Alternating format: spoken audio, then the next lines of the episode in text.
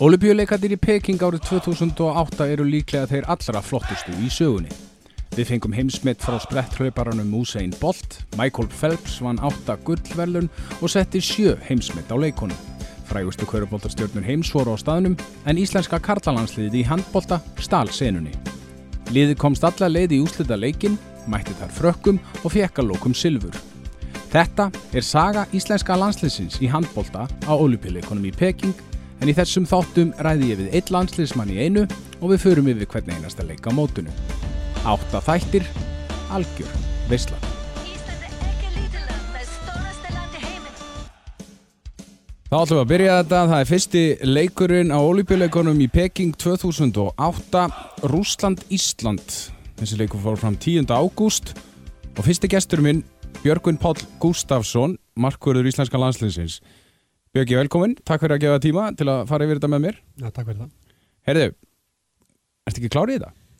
Ég er klár og þakka fyrir að bjóða mér og gaman að vera hefðið þetta upp líka. Það er Já. Smá, og gæsa á fílingur alltaf yfir því að, að fá, að fá að tala með þetta, maður gerir alltaf sjaldan sko. Ertu sko núna frá því ég baði þig um að koma, ertu búin að vera svona að rifja þetta eins upp í aður? Að ég reyndur henni fyrst bara svona að endurkalla, þennan leik og, og svona mótið hans yfir höfu sko. En ég er með svona mjög selective memory, þannig ég er svona maður hluti sem ég vil muna og hérna, og sumir leikir fá meira vægi í haustum á manni og, og já, meiri þungaðurinni. Þannig að þessi leiku var svolítið svona smá lost að eitthvað liti, þannig ég gróðum bara við tölvunni og horfði á hann í mætti og svona, það er þetta undirbúið maður. Sko, þetta er fyrsti leikurinn á, á olífjuleikunum og, og mannstu eftir samt svona spennunni bara fyrir fyrsta leik? Já, já, maður man eftir undirbúningnum og svona í kringum þetta allt saman og allt hæpið en hérna, þú veist, en per se fyrir fyrsta leika inn í klefa eða, eða svona daginn fyrir leik, það var það ekkert vola mikið, það var bara svona, þú veist, komin hérna á olimpileikana, þetta var svona að drekkið allt í þig og það er alltaf öðruvísi, öðruvísi stemming. Og fyrir mig persónulega var þetta bara fyrsta stormóti mitt, þannig að ég var þetta svona, já, bara svolítið svona á jákvæður orku og ekkert mikið að pæli hvað geti farið úrskeiðis eða hvað geti klúrast, sko, ég Mhm. er meira bara að pæli að njóta þess að vera þarna og hérna, og eins mikil kvíða bolt og ég er að þá, þá tengist kvíði með á þannig ég var meira svona að njóta momentsins og lítið kvíðin eða lítið stressaðar eða, lítið spenningu þannig sem fyrirleik það er meira bara svona gaman að komin og þakklúttu fyrir að fá lósist tækifærið ég var búin að býða smá tíma eftir þessu, þessu, þessu verkefni. Já, þú sko spilar þinn fyrsta landsleik alveg nokkrum árum áður, eða ekki? Jú, alveg fimm árum áður, 2003 fyrsti landsleikur. Og, hérna, og svona var svolítið lengi að að fá þetta tækifæri, að fara stormút sem er bara að þetta draumur hvers írdumanns að fara stormút og hvað það er olimpíuleika en hérna, þannig ég beigði alveg í því eftir því nokkur, nokkur ár og hérna, og þess vegna var það bara svona ennþá það bæði léttir og svo bara svona að njóta momentsins að fá að taka þátt í þessu því að þetta voru margir leikir sem spilaði fram að þessum, þessum hérna olimpíuleikum en, en ekkert, ekkert stormút og þess vegna glættaði mikið að fá að, vera með Sko, það var á sínum tíma, það var smá umdelt að Gummi hafi tekið þig út. mm Er það ekki rétt munið það mér? Jú, það taka mútfyrst á olimpíuleikana, já. Já. Það, hérna, jú, það var alveg svona, þú veist, Birkir ég á búin að vera hérna, búin að vera það í mjög langa tíma og, og góð markmaður, mjög stöðu markmaður og við höfum verið svona smá brasi með markvæstunni síðustu mótinu undan uh, og mér leið svona smá eins og ég ætti að vera X-faktor, svona, kom eitthvað svona, ég var svona ákveðin svona óvisa sem fylgdi mér sko, var svolítið svona þrátt fyrir ungan aldur, var svona hrók í mér og, og svona ego og, og var svona ekkert smeyku við þetta. Og ég held að það hefði líka eins heitlað og svo kemur svolítið svona í framhaldinu í restina ferlinu þá maður fór að ofugsa þetta og fatta hvað það væri mikilvægt og þá kom stressi og kvíðin og, og maður var svona að vera að, minga ego manns þegar að leiða á hann. Það var svona smá moment til þess að taka sjensa út af því að það var þannig staðan vellinum að það mátt alveg taka eitthvað sjensana reyða búin að vera frábær sérstaklega í undakefninni hann koma okkur á þessu Já, olimpíuleika nánast móti Svíum. sko, sem var bara stórkostlega harmestæða sem hann gaf kannski líka aðeins smá buff fyrir það að það mættir alveg hérna þessi leikar en að geta aðeins með hinmarkmannin og hérna og svo bara náum mjög hreðar og mjög vel saman. Ég held að líka að spila stóru rulli hérna, við vorum virkilega góður félagar, góður vinnir og, og pössum held ég bara vel saman eins ólíkir við vorum Já, er mikilvægt að vera með góðan makkar með þér í, í, í þessum markmannsmálum að varamarkmaðurinn og aðalmarkmaðurinn séu að vinna mikið saman. Finnst þér það að þú veist í öllum þessum liðum sem þú hefur verið í og þeir eru kannski út með varamarkmann sem er bara þinn óvinnur. Er það miklu verra eða? Sést til landsliðinu, Já. það er svona ekstra mikilvægt og, og við erum svona lítið lið inn í stóra liðinu, þú veist, við þurfum svolítið að vera líka að standa saman í þessu og þú finnur það alveg, þú veist, þó að markarið fagnið ekki, sko, þú finnur alveg hvernig hann líður, sko, Já. hvort hann viljið að verið eða ekki og það hefur alltaf verið í landsliðinu, sá fílingur að það er allir á sama, þessu sama borð þar, allir bara vilja á árangur, hvort sem spila eða spila ekki og kannski öðruvísi aðrum mennsku, það sem, þú veist, þetta er vinnaðinn, þá snýst það sem það er önnu gildi en þetta er unni og ég held að spila ansi stóru öllu þegar kemur að landslíðin og sérstaklega þegar kemur svona stórmótum og yfirlt með makkatum og þá allavega þeim tíma með herbyggi líka öll svona kemist er bara gríðlega mikil þegar kemur að, kemur að liðum og hvað þá svona stórum liðum eins og, eins og liðin sem er álega stórmótum þá það bara öll kemist er verið í, í lei Já. Sko ég er búinn að tala við Gummakum mm. og við erum búin að fara yfir eitt leik saman. Uh, hann segir við mig og þið kæru hlustundur eða bara eftir að heyra viðtala við hann að hann sé rosalega stoltur að því að hafa valið þig á þetta mót. Já, alltaf þorðið því, það er, það er ekkert sjálfgefið. Hitt hefði verið auðveld ákvarðin og hérna, ég held að með mig líka vera stoltar því að taka svona ákvarðin sem er svo gangu upp og Mhm. hérna, og hérna, ég er þetta bara líka stoltar að fengi tækifærið og þá var alltaf gummi valdi mig líka fyrst 2003, þannig að hérna ég tók aldrei viðtölu um daginn, ég er bara verið í tæp 20 og er í landsliðinu og þetta er svona ég er ennþá á sama stað, ég er ennþá í markinu ég er ennþá að gumma þjálfum mig, við erum ennþá að æfa í sömu húsunum og hérna, eini staðurinn sem er kannski öðruvísi það er að við erum ekki í höllinni, annars Nei. er þetta bara allt sama, sama uppskildum fyrir, þú veist, 20 ára síðan sko, þannig að ég held að þetta sé eitthvað sem að hann var stoltur af líka, að þetta er stór ákvörðun og, og sérstaklega þegar sem ég var ungur og svona, svona óskurða blað og ég er að spila í fram á þessum tíma líka, ég er að spila dildirinn heima sem Já. er líka ekkert sjálfgjöf að taka leikana á svona stort svið, ólimpileikana sem er ekki með starra sviður fram að segja heldur en dildirinn heima. þetta mó, uh, þessi leikar, breyttuður þínu lífi bara sem handbóltamann Uh, já, ég fyrir til aðrumunsku beint eftir þetta. Ég er reynda búin að skrifa undir í aðrumunsku áðurinn fyrir ólimpileikana en þetta kom svona hvað svona ég var leika fekk ábyrjandi svona típa, það var leitt í mér. Ég var svolítið svona, já, kannski ykkur lítið ólíkur í dag. Það var svona, hérna, veist, ég er með síta ára og með hárband og hérna, þannig að þetta var svolítið svona, ég fekk smá svona meðbyr á svona tíma og notaði hann lengi vel inn í, inn í mínu aðrumunsku og hjálpaði mig gerilega mikið bara svona marketinglega síðan fólk vissi hver ég var og Já. þetta metalinn per se gerilega stór fyrir handbólta heiminn sko þannig að jú, þetta var ágæði kickstart fyrir mig líka en sé, ég var bara líka búin að vinna fyrir því vel í framhaldinu og hérna í, undan og í framhaldinu það sem tók við, var bara hefningsvinna til þess að halda með í aðdurumvinsku og svona gera vel við með minn feril sem hérna sem er ennþá í gangi og hérna og, og sé, þetta er svona kickstart á honum þessir, umbyggleikar sko það, það er engin komið mikið er komið pressa á okkur þarna og þessum, þessum fyrir þennan fyrsta leik tanni frá þjóðinni. Því að þú veist hún náttúrulega þegar líður á leikana verður hún alveg tríti lóð.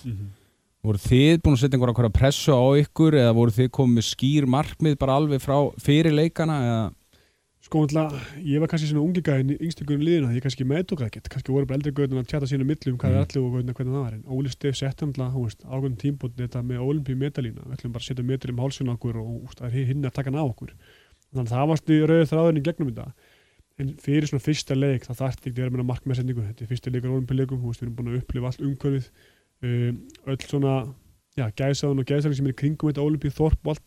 að þannig að, þú veist, pössum okkur bara því fyrst og fremst, fyrstu dagana, við erum ekki að láta sig of að fara ekkert á langt frá leikjónum því að þetta var stórt verkefni og það dugði bara að fókusera á það því að þetta eru náttúrulega rússar sem eru olimpíumeistara 2000 með minnir. 2004 olimpíuleikana undan eru í þriðarsæti, þannig að þetta er stór þjóð sem eru að mæta, þannig að ég held að væntingarnar fyrir þennan leik var bara, þú veist, voru litlar þannig séð, þú ætlum bara, þú veist, fyrir okkur sjálf að vinna leikin en ég held að minn áttu sig ekki á því hvað rússa voru stættan nákvæmlega þarna og við, þannig að þetta var smá svona breaking point líka fyrir okkur held ég. sko rússarnir, ég meina hvernig undirbýr, maður sig fyrir rússa? Þeir eru í gegnum tíðin að verið stórir og þungir og, og bara sterkir. Og þú veist, þó að þeir hafa ekki verið frábærir á síðustu árum þá er þetta risa handbóltaþjóð í sögulegu samingi, hvernig er svona er, er, hafið þið verið undirbúið okkur fyrir rússanir gegnum tíðin og kannski fyrir þennan leik Þetta hafa breyst svolítið mikið síðustu ár en þarna voru þetta algjörir, algjörir dyrkja sko. það varstu með skiptir sem voru, þú veist alveg bara 2 metrar og 200 kíló líkuði sko. og sérstaklega vinstra minn þannig að þetta var svolítið ég heit minna og svona þetta er rættleikaði menn og, og svona þá Peking verður að byrja að mi- mótast þarna Mhm. og svo hafið þú veist fyrir leikinu moti pólvörnum það var alltaf ekstrím, það sem ég bara les breytum algjörum vörð, bara svolítið ekstrím eftir að skoða leikin aftur, það eru svona ákveðin element sem að virðast byrja þarna mm Mhm. Lexi, Alistair Pettersson byrjar að vera svolítið agressífur þannig að við erum ekki með hæðina móti sem stóru vinstri skiptum, þannig að hann byrjar svona að stela boltum, öllítið svona ja, mjög virkur og mjög aggressífur í örni og það er svona að byrja að höfður þetta að gerast sko. þannig Mhm.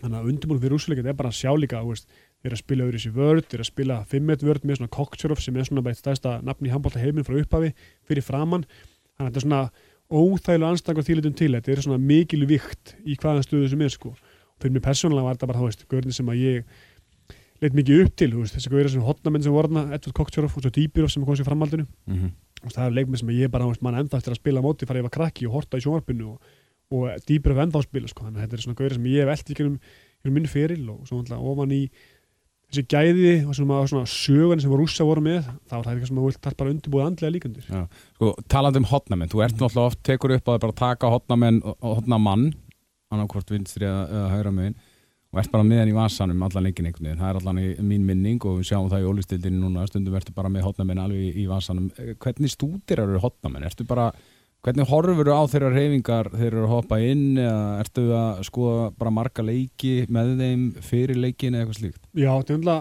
hotamenn er einna flokknast í svona aðstækjum að skoða vegna þess að þú veist, það er svo margir vinkast sem tekur inn í það. Þú veist, skipta hann aðeins auðvöldari svona okkur skotminnstur sem myndast það skýtur okkur í stuðum okkur í kerfum. En hotamenn að skjóta, þú veist, alla leikinu ólíkum stuðum þeir eru að hoppa misjaflega langt inn þeir eru með mismikið stöðkast,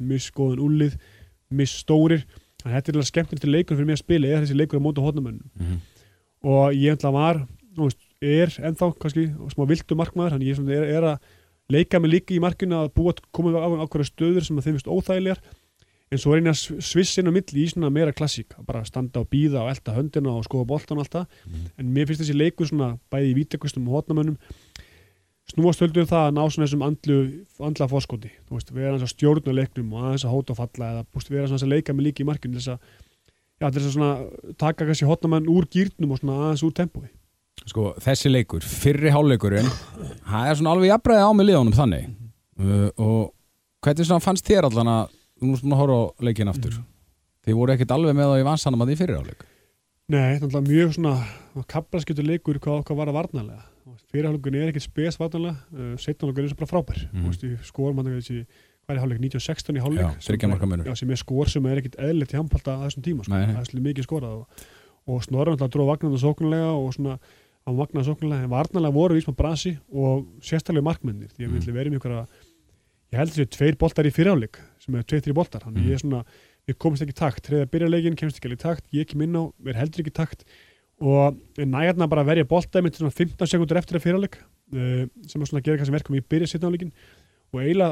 með svona 15 sekundur eftir að er að að þessi maður þessu leik var einni í háluleik að ég svona fekk svona, sett ekki hausinn.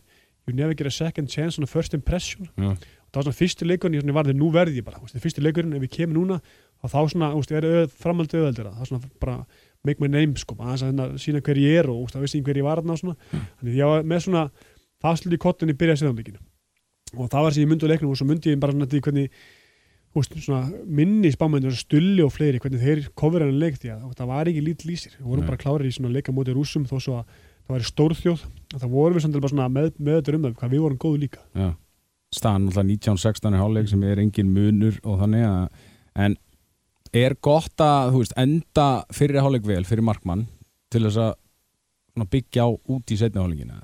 Þrátt fyrir eins og talar um að þið séu ekki að klukka bolta í, í byrjunleiks Já, og svo var það kannski líka það, eins og ég sagði við ég myndi ekkert mikið eftir þessu leik, sko, Mm. og það er kannski út af því líka að ég ætti lélega fyrirleik og þannig hvernig svona þegar maður með svona selective memory, þá svona blokkar þetta neikvæð út og, og mannstæði ákvæða, sko, Já. þannig að það var líka bara gott fyrir mig að, veist, að fá hann að bolta fyrir mig, það voru fyrstu leikarnir, eða fyrstu, fyrstu dormóti mitt, þannig að það þurfti lítið til að kveikja aðeins í mér, sko, þannig að, það var bara komið. Skilur, eitt bolti varandi 30 mínútur leiku, sko, veist, og mér leipa hann sem væri bara bestur í heiminu, sko, veist, var svona langt frá því, þannig að það eitt hjálpaði mér til að komast inn í, inn í mótið og svona þar að óksvöldi ásmegin þegar að leiða leikinu og allt mótið en þegar, þú færið þú veist svona vörðlíkur framæður að skoða svona eftir að hyggja líka þetta þess að gæja sem eru framæður fyrst sko í leiknum með, með dittaði sverri hérna, og, og fúsa fyrst Já. alvöru, alvöru holning og alvöru svona alvöru varnamenn og ditti inn í þetta í setna hálfleik líka og það er eitthvað svona eitthvað dýnamik sem að ég held líka að hílinn hefur hræðist mæti svoleiði skaurum og sé bara með leggsa hana og með aggressíu bakkar í leggsa á Arnóni með svona þrista það var ekki mikið að pæli mér. Nei. það gerði mitt líf svona öðvöldar þegar það var að líða og allt í nú kom okkur glókóllur í markið sem var að vera fyrir líka sko. þá voru voru svona pyrrandi lið að mæta held ég. Uh, herru, en sko brjótum við dagins upp og förum í, í bara ólipjuleikana 2008 bara heilt yfir. Þetta voru rosalegir leikar. Mm og fullt af bara sko þetta var bara frægustu menn og konur heims mættir þarna. Mættu líka allir, það var allir, í- allir í þorp það var Dream Team í frúr NBA-dildinni Michael Phelps náttúrulega með ótrúlega leika Usain Bolt. Hittur við mikið af þessum stjörnum? Já, og þetta var alltaf líka þannig nýbúin nýbúin að horfa núna á því Redeem Team hérna á Netflix sko, sem alltaf, þú veist upplið mér þetta aftur einhvern veginn, þú veist, þeir vildi líka vera í þorpinu og hérna, bandrækjumennir í körfunni og, og það er svona óskrifur regla að vera svona, þú veist hvað maður sé, rólegur Já. og på, svona yfir þessu hvað þetta er stort og eitthvað. En ég var ekki rólegur, sko, ég var bara, þú veist ég var út á mig, sko, ég var á, bara meðvita líka þú veist, ég var bara komin á stað.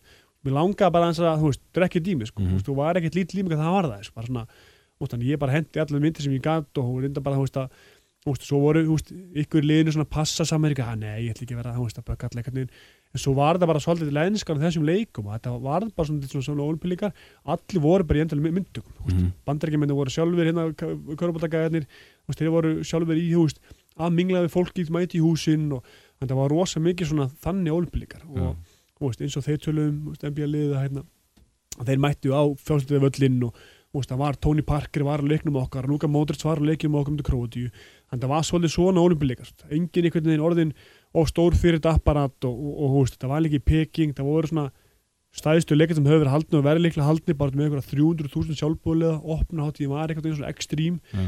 þannig að þetta var svona það var eitthvað dýnamikarna sem var svolítið útskýrinleg sem var svona að gera verkum að maður svona fylltist orku og einhvern veginn ná að drekka þetta allt í sig á þessum leikum Hvað svona fannst þið merkilegast, hva- hvað aðalega fannst þið svona merkilegast að hitta á, þessum- á leikum? mér finnst það merkilegt að sjá hvað mikil munur á höndunum á Rafael Nadal. Já. minn móðan, það var sem breiða tennishöndunum sem að slær mig, helst í vinstri. Já. hún var svo breið og híma svo mjó það var, það var stóra sjokki mitt sko og Gasol var stór, það var svona fyrst tvö sjokkin, Já, en svo var bara veist, þú ætla hitti maður úst, Lebron og og merkilega í dag að hitta Kobe þetta öllu því, það er, svona, veist, það er okkur mjög sterk minning að hafa verið í kringum þetta NBA-lið, þess bandarinska lið hérna á þessum tíma, en svo er bara einhvern veginn upplifun að sjá íðjöndafólki og ég held að þegar maður svona spólið tilbaka, það var ekki endilega þessi frægu stórun upp sem maður, snerti mig mest, það bara að mæti í liftingasælun, á hérna tömdi fyrir leika eitthvað, að myndi myndi leika bara sjá geðvíkina sem var í gangi bara sjá hérna hæfileikana og styrkleikana sem var í gangi úst, og ólíku, allt frá 230 nýjum sko 20 í stærð bara í fimmleikastelpum sem voru eðla hæfileikaríkar Já.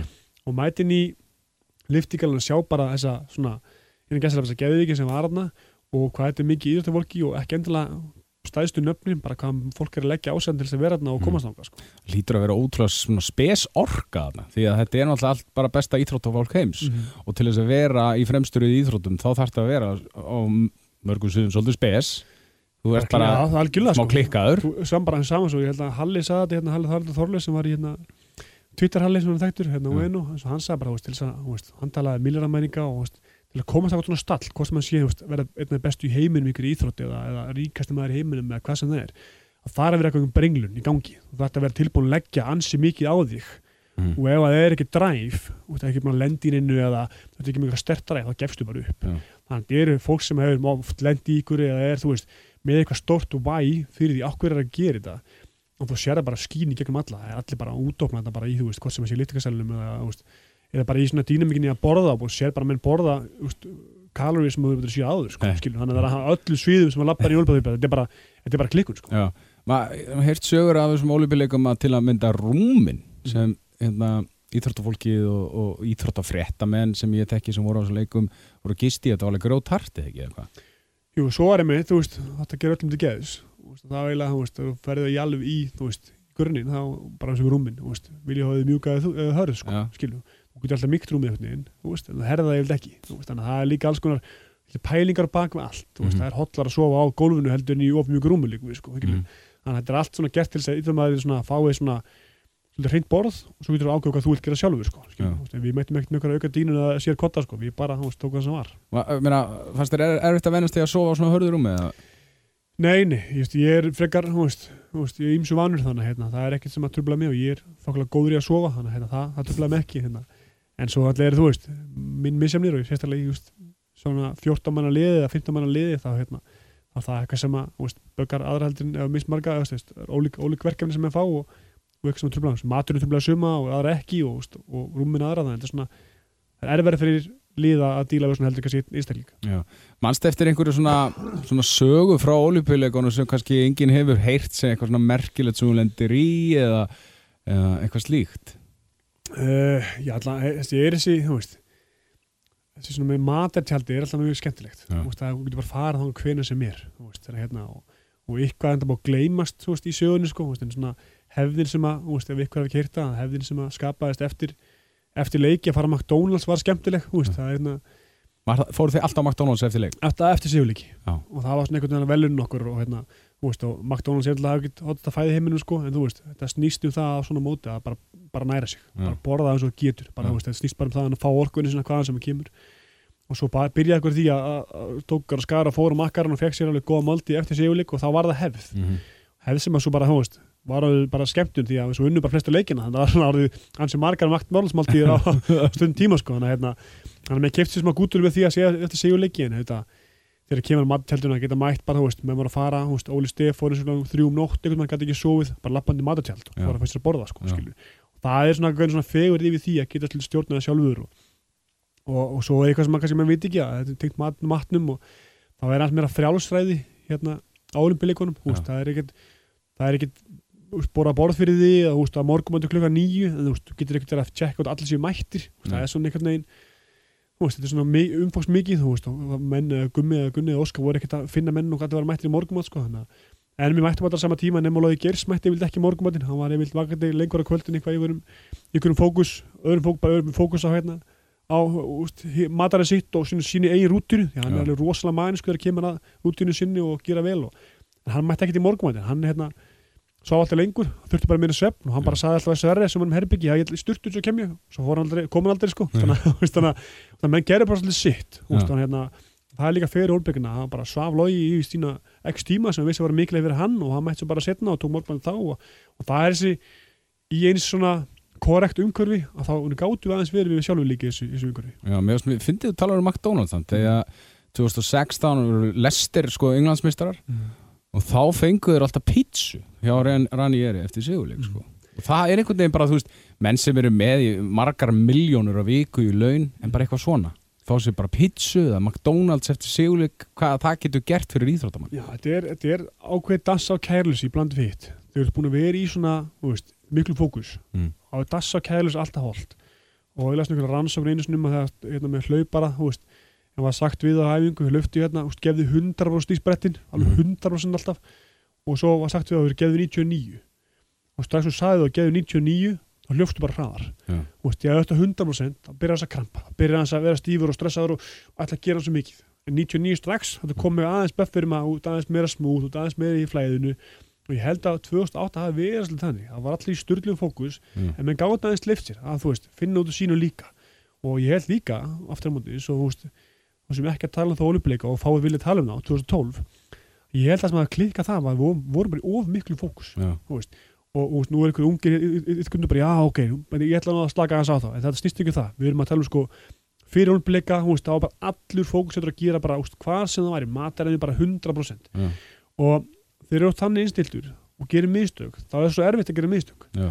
Það er svona eitthvað, á herri, ég er búin að gera allt þetta, hvað er að gera, hvernig get ég, En ég held að það hafi verið fylling á 2012 Mm. við vorum aðeins svo mikið ólinn Já. og veist, það er alveg til, það er hægt að vera aðeins mikið ólinn, ég held 2008 að það var svona dass af kærleysi með svona fókusnum og, og, hérna, og því svona vera næst í ólinn Sko, eh, þú ert náttúrulega eini maðurinn sem ég er að fá í, í þessa þætti sem er ennþá leikmaður. Mm uh, Atvinnum hann að fyrir þinn er bara virkilega flottur Mhm. Ertu sáttur við hann, þú veist, nú ertu komin heim ég veit ekki hvort þú farir aftur út, mér finnst ekki, ekki líklegt svo sem, Mhm. en maður veit aldrei Ertu sáttur við svona atvinnum hann að fyrir mjög, og eiginlega bara svona þakklútu fyrir að fengja upplifa svona ólíka aðrum sko. Veist, ég er svona byrjað í svona minni liði Þýskalandi, þú veist, Bitterveld heitir Stuttgart í dag sem er í eftirbúndinslíku mm -hmm. uh, sem er svona gott aðluna ferli veist, frá fyrstu Sviss, það sem ég fæ bara svona þú veist, bara þú veist, frábært moment, það sem ég er í tvö ár þar vinnum bara allt, svolítið sem að valur núna einhvern veginn, við erum bara, þú veist, sjóðandi heitir við erum í Európa-kefni, förum í þú veist, úsli í ÖF Cup, förum í Champions League árið eftir og það er bara svolítið svona sá tíma ferlir sem er bara svona algjörlega indisluður, sko, Mhm. ég, ég, ég og Conor erum bara tvö, einhvern veginn úst, kærleus einhvern veginn getum verið að gera sem við viljum úst, erum bara fara í úst, helgaferði þegar við getum og svona rosa, rosa svona fallið tímbil fyrir mig. Fyrir svo til svona Magdeburg það sem er svona austur Þýskaland svona austur Þýskaland sem er svolítið svona þungt þingra umhverfi miklu meira aðrum, miklu meira æfa eru þar byrjið svona batnignar dæmin okkar, öllu saman. Uh, úst, svo er veist, þar upplifið svona úst, klubb sem er bara fortrægur úst, bara meistarar í fyrra í búndisleikunni og mikla kröfur. Fer það í svona þærar umhverfi í svona söðrið, vestrið svona í Þýskalandi það sem er svona meiri þú veist, lögun og aðeins, aðeins minni kröfur það lendi ég í, en ekki sem lendi þú veist, í fjögur ári í svona fallbáratu Já, Já Bergísir. Já, Bergísir. Og það er eitthvað sem að ég held bara það sé bara mín bestu ára ferli bara Mhm. svona upplifa það element að vera bara í hverjum einustu leik bara bara líf og dauða Mhm.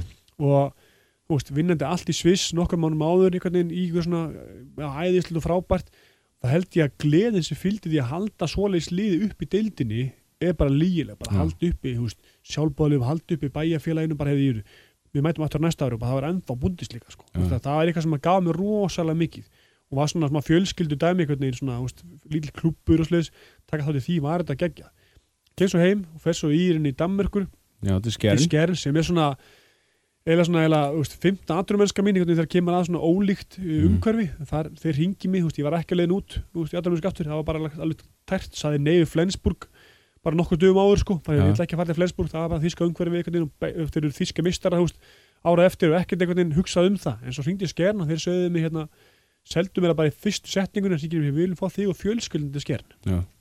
Þá sem bara fjölskyldan, já ok. Veist, ég fór heim út af fjölskyldinni nýkomið tvíbara, þannig ég fór í atvinnumennskuna svolítið fyrir tvíbara mína, til að hérna gefa þeim sama uppeldi og yngsta, elsta barninu mínu, veist, að vera með pappa sínum, fyrstu tvö árin í uppeldinu, ekki vera, einhvern veginn lítið með þeim, og það var svona pointið með þeirra atvinnumennsku að fara út og vera svona aftur atvinnumæður, danska umhverfið, þú veist, fara að segja börnin í skólan, leikskólan og svona svona aðeins þægilega fyrir fjölskyldu fyrir mig að gútt er fyrir sjálfum mér, sko Mhm.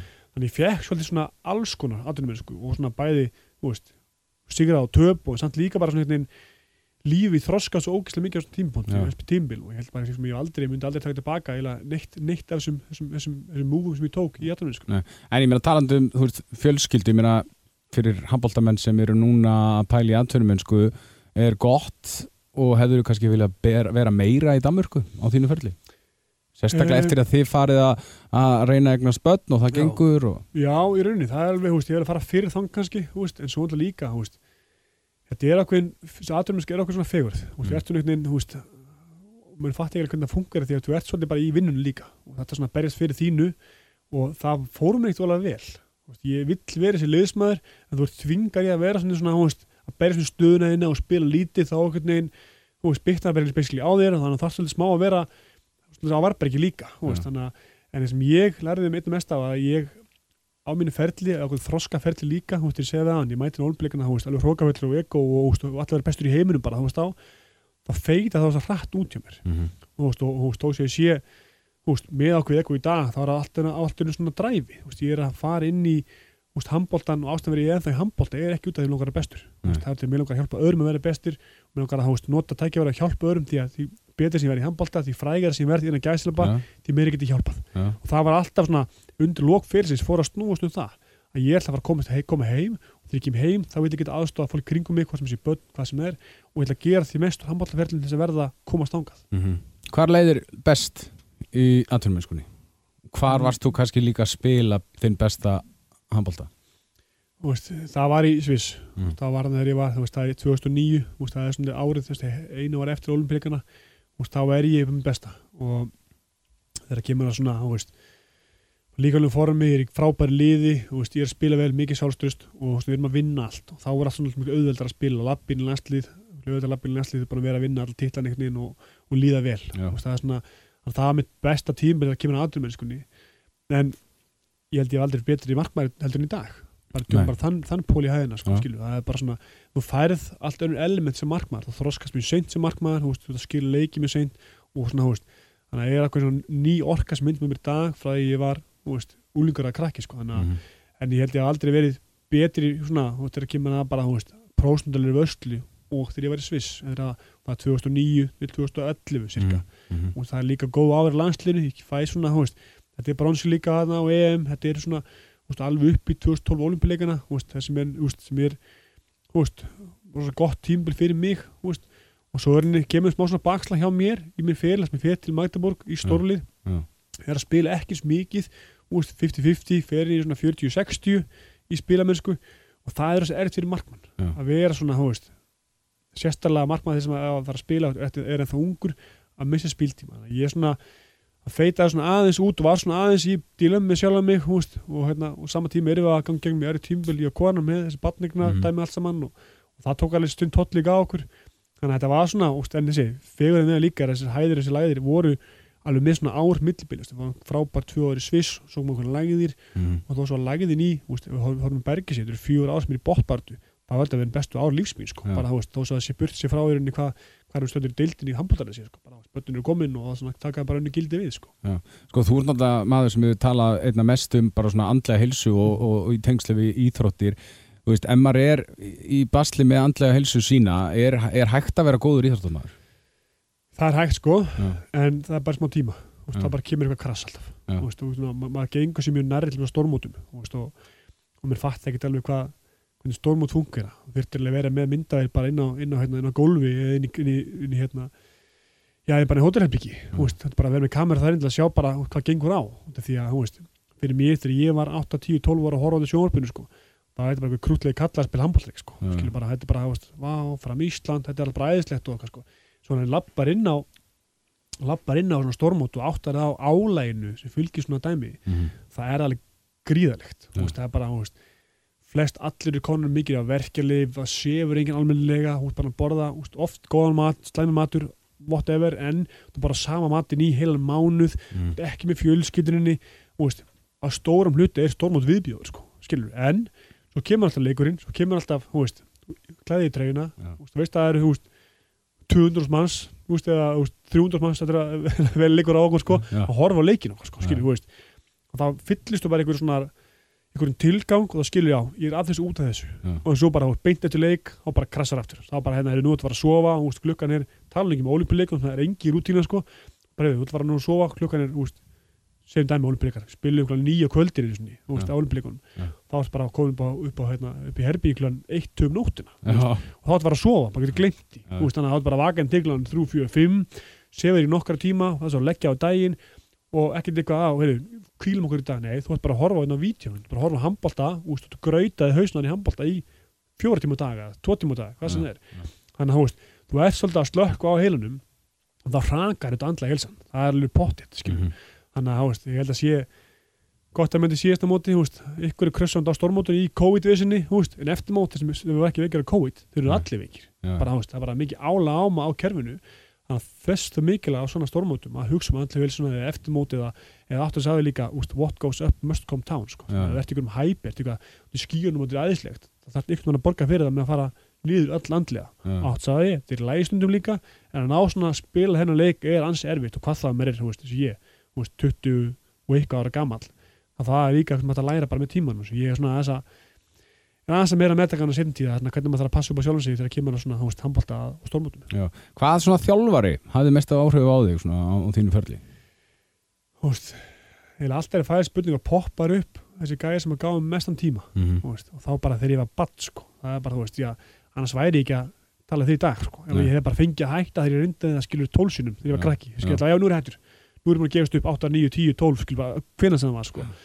ég hættur nú ég búin að gefast upp 8, 9, 10, 12 skilur bara, hvenær sem það var, og það veist, og fyrst þegar poppar upp er bara Kristján Guðmundsson Mhm. sem hérna hefist, við bara bara þjálfur minn í yngrulokkanum, skilur, hann hérna maður fyrir markmóður, allt tilbúin að mæta með mér á aukaðingar 12, 13, 14, bara hérna mæti í salinn og, og hérna og gefa mig sensinn og svo bara, þú veist, alls konar gæjar einu þorðar að kemur inn í annan flokkin hjá mér þú veist, Frankastur á sí, hann er þjálfur í öðrum flokki annan markmær og þetta fólk sem það er trúa þér Mhm. og það er eitthvað það þeir þjálfarar það hefur svo lítið með það að gera, hann bara kemur á hverju stað og kennir okkar grund atrið, en þetta er görðin sem að gefa þér tímar gefa þér, þú veist, yngvöld þjálfararnir mínir og gott að þetta líka ég kemur í meistarleiki á Háká mjög ungur og átni stef gefa mér tækifærið, Já. Árni Stefansson sem bara svona er, er bara, hann er að vinna í dag bara með erfið að krakka Já. sí- sínir vennilegu sko, handbóltan Já. hann gefur mér tækifærið í að þegar þegar þú færi bara svona sjensiðinn þá áttu þessi fólk sem mikið að þakka sér og hefur trúaður og, og sérstaklega þeir það ekki skilið sko. Mhm. skilið, þeir eru bara, þú veist, ég er bara ógilt erfur, veist, úlingur sko, veist, að gefa manni sjensin og bara ringi mér, kvota aðeins á morgun, þó það hefði bara hérna snappa á hann að geta brjála, bara kontu aftur veist, Mhm. það eru þessi þjálfur sem ég bara ennþá bara svona þakka fyrir og hvað hefur tekið mig til á stormótu líka að hérna, senda hann skilab og bara messenger bara, "Heyrðu, takk fyrir hérna allt sko, skilur Já. bara, ég er hérna út af þér sko, veist, ég er ekki hérna út af endilega þú veist, snora steini sko, sem er þjálfum í dag sko, Mm. það er bara, þú veist, það kemur sinna, sinna mér sko, þannig að ástæðan verið í þessu, ég er í grönd og dróm og fæti þegar ég var, þú veist, 8, 10, 12 sko, já. Herri, en svona erfiðasti anstæðingurinn sem þú mættir og ert náttúrulega ennþá að spila en svona sem þú mættir á, á þínu ferli hingað til hvaða leikmaður var bara, þú veist, með þig í vasanum?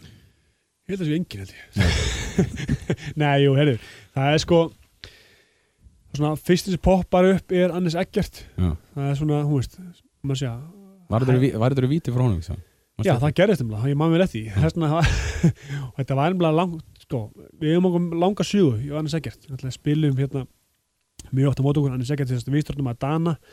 Og þegar ég var í Sjáfasun Mm uh, þá sést, spilum við í Európa-keppninni eins og núna með val og spilum á Flensburg. Já. og, og hérna og unnum Flensburg, við vorum mjög litli þá, Sjáfossin, það var svona lið sem engin visska var og unnum Flensburg sem var bara stórlið bara Þískalandi og vinnum þá, þá verð ég víti frá hann ekkert Já. og svona, og hann líka bara of heimskull þess að fatta hvað hann væri góður sko. Nei, menn hann klikkað allavega víti Nei, og þá varði ég víti frá hann og hérna og, og eftir það heila bara varði ég ekki skot frá mig ykkur 20 ár sko.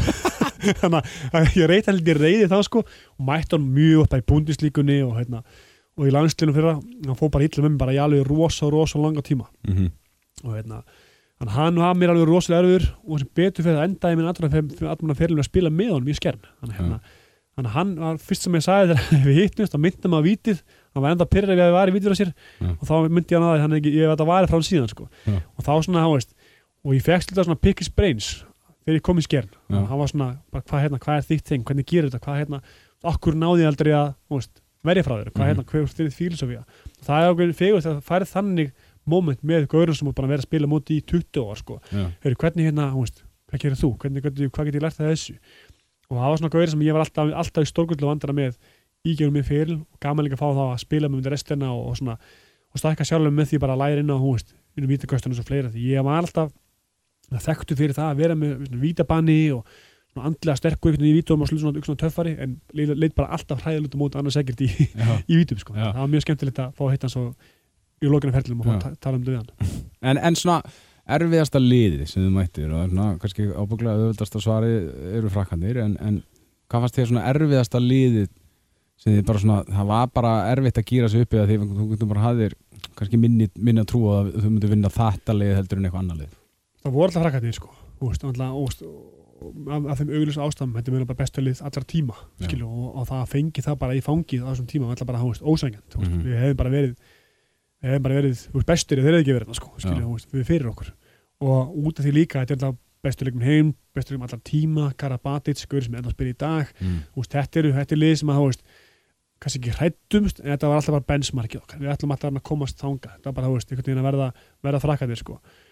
og það er svona liðin, svo voru alltaf svona liðin milli sem að voru veist, virkilega óþægileg, Mm. Magdóni hefur alltaf verið, veist, óþólandi þjóð sko mæta, um alltaf í vesinu með það þau séu, þú veist, minni þjóðu við í handballanum sko, og mættu þeim mjög oft, það var alltaf, Lazarov heimitt, það var eitthvað svona holningi úr honum sem var alltaf óþægileg og erfitt Já. að mæta og, þú veist, en frakkin er alltaf lið sem að, þú hugsa alltaf til að, að voru, veist, mjög erfitt að vinna á. Eins og Magadónia var, það var alltaf fara til skópi eða fara í þessar hallir.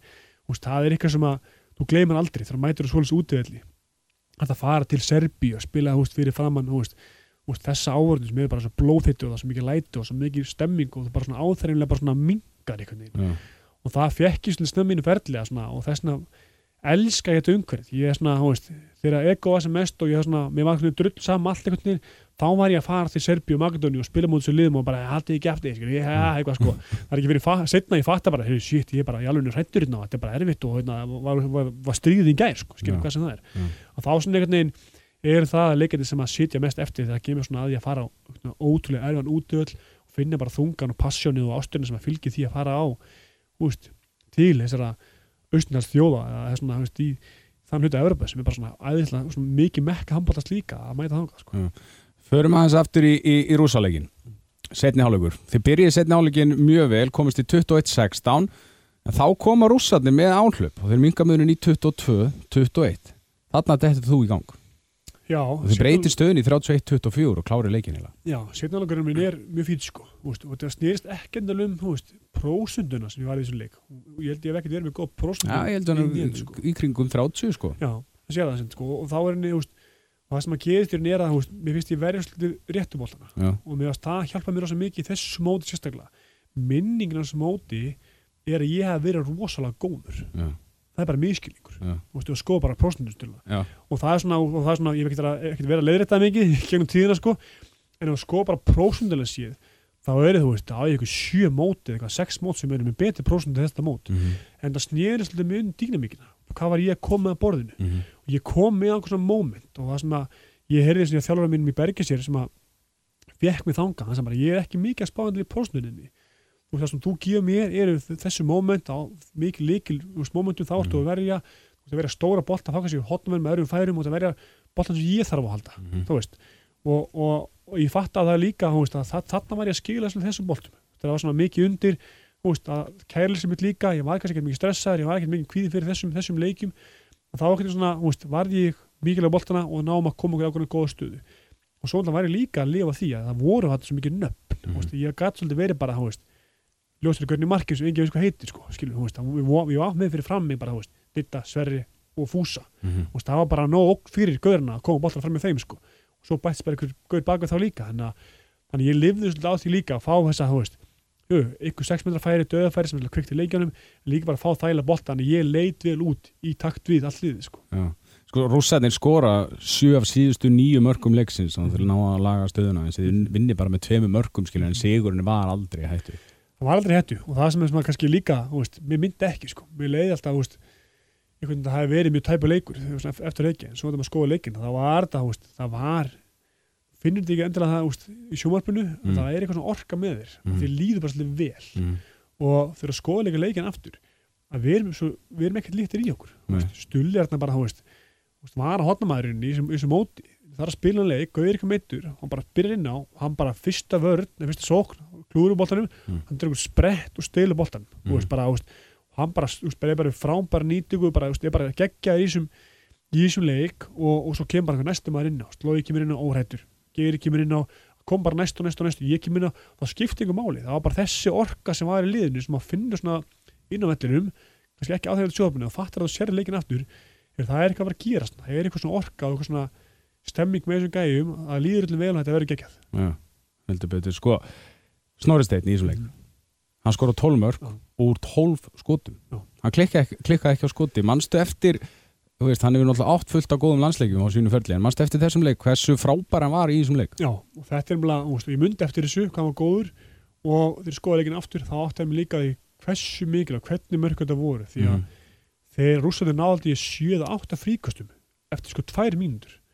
Þannig við erum í svona basl soknulega sko bara Mm. hefur finnur bara þetta er ekki alveg að ganga upp sem við ætlum að gera hérna. Þú veist þeir að spila með Koksjáraf í 5 vörð sem er mjög svona aggressívar og sterkur hrustugæði og Snorri skora fyrst tvömerki sín utan að velli. Já. mjög svona uppstökki og skota mjöðum og undirhandskoti Mm. sem að gera verkum að leikurum breytist. Og svo fer hann að spila sín kerfi sem að, þú veist, sumum þessu kerfi heita bara Snorri í dag þú veist, í, í Danmark og Þýskalandi sko, sem að er að leysa undir og leysa un, undir varnar og aðeins að tröfla en hann dominir þennan leik alveg gríðalega sko. Skora 6 mörgum vítum með 6-6 og er rosalega örg víti. Að hann bara þú veist hann er svona ástæðan fyrir að við erum í leiki fyrirháleik við erum svona 90 mörg ekkert ekki að geta mikið hræflum bara Mm. hann er með sóknleikin að herðunum og er að delivera bæði sem leikstjórnandi og sem uh, skorar líka veist, hann skorar 12 mörg í svo leik og hann nýju fyrirháleik Já. sem er bara veist, galið veist, og mótið svona liði og öll sko, og skotum hennar línu inn af, vítum allan pakkin og hann skoðan leik í gær og, og sendi hann klippi því hann spilaði með þess að vörnað einu sinni líka og hann náði fríkasti sko, að hann er eitthvað stoltar af því heldur en heldur en svarmestinu sóknulega sko. Herri, Alexander Pettersson, hann skora 6 mörg, ég meina, þú byrjar að tengja eins við hann á þessu móti því að nekla boltanu upp á Alexander því hann var ofta tíðum bara fyrstur upp. Já, og þetta líka, veist, það var hann með svona gæja, veist, með hann Alexander, og með stullivarni byrjum fyrstarinn upp, með gauja að ég fekk svolítið bara að fá að henda boltan fram. Já, það var svo mikið svona frí spil og myndi ekkert að hika með það. Svo með gauðir sem getur borið boltan eins og Óla og Arnór og svona, úst, við hérna sem komið setni milkina. En það var svo svona ég held að ég væri hægar um boltan leik til að byrja með Mhm. Þú veist, í dag er alltaf að tala um þetta boltan komið hræðar leik og senda það boltan fram og það byrja líka bara þarna. Það var eitthvað svona svona fegur í það að fá að senda boltan fram á eins hraða hotnamenn eins og Lexa og, og, hérna, og Gauja og stöla líka og svo geta kom boltan á Gauja og Óla Stef það var svona hraðabjörnst flæði með okkur þannig að ég ná að tengja mjög vel það. Og það var stórpartið mín leik strax að koma boltanum prætt og vel leik sko. Það er annar leikmaður sem á frábæran leik. Það er Arnór Allarsson, skora 6 mörg í þessum leik. Mhm. Því miður fæ ég hann ekki í hennar þátt Því hann er náttúrulega búsettur öllendis Og ég náði ekki að- að- að að, hérna, skipulegja það. Eh, Þetta er kannski sá leikmaður sem ég veit ekki hvort að þú sett sammála En hann á alveg magnaðan fyrirlabaki mm. Og Mikið talað um Guðjón Val, Ólaf Stefánsson, Snorra og fleiri. E, finnst þér hann kannski að ekki alveg hafa fengið það hrós sem hann á skilið eftir þennan rosalega feril eða smá kannski vannmetin? 100% og það er aðalega út af því og ástæðan verið kannski að hann er ekki náðu sem hæðum svona í umtali er að hann er að gera alla vinnuna svo vel. Hann er að gera bæði skýtavinnun og allt annað. Og þeir sem fá mesta hæpið oft eru svona þeir sem eru mest áberandi skilur. það er svo auðvelt fyrir mig að vera ábætin leik með verja og bara 20 skot Mm. skilur, eða, eða gauja að skora 15 mörk eða 12 mörk eða eitthvað en hann er ekki vítaskittan okkar veist, hann spila vörn og sók báðum, hann báðum endum, spila alltaf gríðarlega mikið spila leiki hlutverk í þessum báðum stöðum og hann skora bara alltaf sín 5 til 6 mörk skilur, Já, já. og það er þessi leikar sem er búa til þetta lið veist, hann er bara með ekkert eðlilega mikið á, mínum á bakinu og ég var fæðið spurt að hvað er þessum bestu leikmenni sem spila með og eitthvað svona hann tekkar alltaf í það box Já. vegna þess að hann er svo mikill íðröndamæður svo mikill íðröndamæður bak með hann og, og, hérna, og hann er með svona veist, allan pakkan og allir hlunum sérði ekki hann er gæðin sem er að veist, tala við því utanvallar, hérna Mhm. að tala við hann er eins og bara alveg topp náðungi, topp eindag ógislega klár handbóltalega séð góð vinnu minn, veist, og góð vinnu allir kringu sig Mhm. og svo bara þú sér fórnuna sem gæðin er að þú veist, leggja á sig fyrir landslið Mhm. og þeir tölum um stormóti eða andlega líkamlega heilsa whatever sko og þetta er gæðin sem barðist í gegnum bara síðustu árin og veist, fólk áttu ekki að því hvernig sko. Skilur bara stormóti bara, hann gæti ekki labbað Já. eftir leiki, Já. bara fara maður næsta leik að labba hann alltaf sko, það þetta rúlum með hjólastónast í sko, það var bara það sem hann lagði á sig og það sem hann skóf bara af ferlinum bara með því að vera, mæta bara alltaf í landslið vera alltaf með, alltaf klár. Veist, það er bara sem hann getur ekki metið til fjár sko. Kannski líka, hann er ekki þessi flassi típa, hann er ekki, uh, hérna, hann er allt bara með sömu klippinguna bara í, í 20 ár og er ekkit rosalega flassi í viðtölum eða eitthvað þannig, segir ekkit einhver stór orð og svona, hann er kannski bara svona, ná, eh, svona lættist þannig laga svona meðfram veggjum með einhvern veginn þannig. ég er bara ógæslega skilvirkur í öll sem hann gerir, hvað sem er sem coach eða hvað sem er, núna þjálfa, og hérna, og eðla góður í því líka, þjálfa hann í Álaborg og er að taka úst, stóru, ver, stóru verkefni hvert fættur að öðru sko, Já. og bara skilvirkur handbóltalegma líka, hann skilur bara alltaf að sínu fríkostum, sínu varnavinnu bara allir sér í vinnu, hann er ekki með eitthvað veist, hann er ekki að hoppa 20 minnir um lofti sem hann gerði fyrst sko, veist, Mm. hann var þetta fyrst að vera í káa það var alltaf hann leikmann líka, sko, það var með gigantíska fyndu, það Mm. var bara þvílík orka hann var ennþá sem með fynduna og bara það var aðeins hægara þegar leiða fyrirlin, Já. hann skilaði alltaf sína hann skilaði bara alltaf mörgum, alltaf með stöðu sko, sem var frábært, þú veist, alltaf með fyndan hans held bara í, út, út í 20 ár sko. það er ekkert eðla gott að ná því þú veist, eftir með Íslinn, aðeins hægist á honum Mm. en bara skilaði alltaf sínum hlutur ekki bara 100% hvort sem hann var utan sko. Já. Hefur trú á hann sem þjálfara að, þú veist, að hann verði einn af þessum bara stóru í, í boltanum? 100% það er þú veist, þetta, og þetta kemur oft með þessum kynnslóðin, þú veist, Mhm. mm. kynnslóðin sem er þú veist, hérna, undan okkur þjálfar kynnslóðin, það er það gullaldar lauð sem hann bara, veist, fekk, fekk bótan skólan og það, það dæmi, þeir eru allir, þú veist, gummi og kó og eldri, sko, skilja Mhm. yngra sig og svo eru við að koma núna að þessi kynnslóð, þú veist, ég er svona, þú veist, ég sé yngstur að þeim, og það er þessi kynnslóð núna, þú veist, sem sé snorri eða í deildinni heima, þeir eru allir að byrja núna, hérna, þú veist, Robby og Þórir og þetta er lið sem er, þú veist, nýtur góðstæði í og gauðin alltaf úti og Óli Stig komið í erlengan aftur nýtur góðstæði verið svona hóp Já. að skilja bara handbólt að fá þetta tjatt á milli bara, þú veist, menn drektu bara hvort annan í sig og ég held að Arnón að geta manna best bara, menn hann var stór heili af öll saman, varnalega og sóknulega það er mjög fáir sem spiluðu ég hef stórt hlutverk í vörn og sókn í þessi landslöfus tíma Já. Þú veist, bara aðan varnamenn voru varnamenn Óli Stef var bara í hotni veist, ekki spila mikla vörn hann er með gaur spila bara vörn og sókn í veist, ógeðslega mörg ár Mm og hann auðvitað lifir á því, veist, sem coach en svo alltaf er þegar kemur að ég vera góð þjálfari þá snýst það mest meginn svo bara, veist, hvernig, hvernig gauð er ég bara hérna, er ég með gauðra sem að hérna, þetta flikkir sér baka um mitt koncept og minn, minn, minn karakter sko og það er það er allir bara hlupið gegn vegni fyrir veggi fyrir, fyrir já. Sko, þetta er náttúrulega alvöru riðill sem þið, þið eru í þarna í Peking. Þið áttuðu þarna eftir að mæta dönum, síðan Egyptum, þjóðurum, Suðu Kóru. Þetta var frábær byrjun fyrir ykkur að vinna rússana. Já, það var svo gott start inn í, inn í framaldið og þetta var alltaf, þú veist, þetta er fullkominu, fullkominu byrjun af þessu leiti og líka það að vinna rússa, það var eitthvað svona, þú veist, ég segi, það voru þarna brons olimpíuleikin áður, þú veist, olimpíu meistara 2000 skilur, þannig að þetta er eitthvað svona þjóð sem að það eitt að vinna þá. Og segja, ok, við erum ekkert, þú veist, við erum mættið til að gera eitthvað, þú veist, eitthvað usla, Mm. valda smá usla hérna og hérna, gera eitthvað hluti. Og já, fínt start og svona hellingar þar á mótinu og hellingar þar að gerast sem við kannski áttum að á þarna. Nei. en ég held að þetta sé bara henni fullkona byrjun á já, fullkonum móti. Var mikil, þú veist, trú á liðinu til dæmis bara eftir þennan leik eða var þetta eitthvað, sem svona óks með hverjum leiknum? þetta ógsildi bara, veist, þetta var ekkert eitthvað að nú getum við allt, skilur við, við unnum þessu þetta var ekki þannig, það var bara svona, ok, bara mission 1 og haka í bóksið, það var Mm. bara þannig leikur. Og, ferðarlega var langt og þetta var mikið það var svo mikið allt umhverfið, það var svo mikið að synga inn. Veist, þannig að þetta var bara svolítið þannig að við erum byrjar mótið bara svona að byrja þarna, þú veist, nú svolítið skildu eftir ólimpileika, veist, þorpið hugmyndina og myndutökunar þarna minkaði það bara automatist, það bara mótið byrjað Mm og bara konur fókus og hann mission svolítið. Já. Var þetta, þetta mót það stæðist á þínum svona ferli hingað til? Þú ert náttúrulega eins og ég hef komið inn á þér, enn að spila, þannig að kannski á eitthvað eftir að gerast. Og ert að fara að HM núna í janúar, var þetta stæðist það samt svona, á þínu ferli, þetta mót? Þetta sviði náttúrulega, olimpíleikar það er náttúrulega sviði verður ekki stærra en þetta. Og ég meina þið komist, þið hafið ekki komist lengra en þetta? Nei, og það er líka það, þetta er bara, þú veist, velun neitt og sér er náttúrulega bara, þú veist, stærsta medalínan sko, skilur en svo ef maður segir, þú veist, þú veist bestu minningarnar, skilur allt þetta að þá kemur líka allt upp í hugan þú veist, úlingalandslið Já. það sem ég verð svolítið að handbóltamæðinu líka, Já. það sem við verið gull uh, U18, þú veist, erum Evropameistarar Já. og það eitthvað sem að fleiti minni það að hafa trú á okkur svona verkefni sem er svo miklu stærra en þú veist, fyrir mér var þetta ekkert stærra maður fattar ekkert fyrir en eftir á, þetta er ólimpíuleikar Það var ekki Karabatic á, á mótinu þannig já, sem betur fyrir á, sem betur fyrir fattar maður það ekkert, þú veist, maður er ekkert að pæla í bara, wow, þetta er ólimpíuleika, þetta er, þú veist, þá missum maður sjónun aðeins bara, heyrðu, þú veist, nei, ég er með þess að hafa ná árangur, sko, skilur þannig að, þú veist,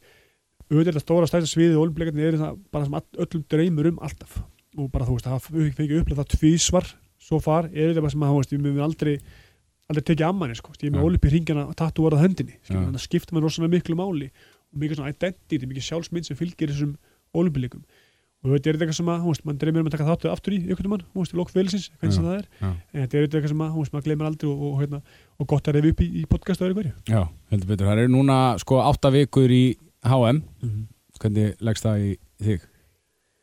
Mjög vel, alltaf, veist, alltaf líka veist, spá sjálfum sér og hvernig maður heldur sjálfum sér í gýr og hvernig maður sjálfur að spila.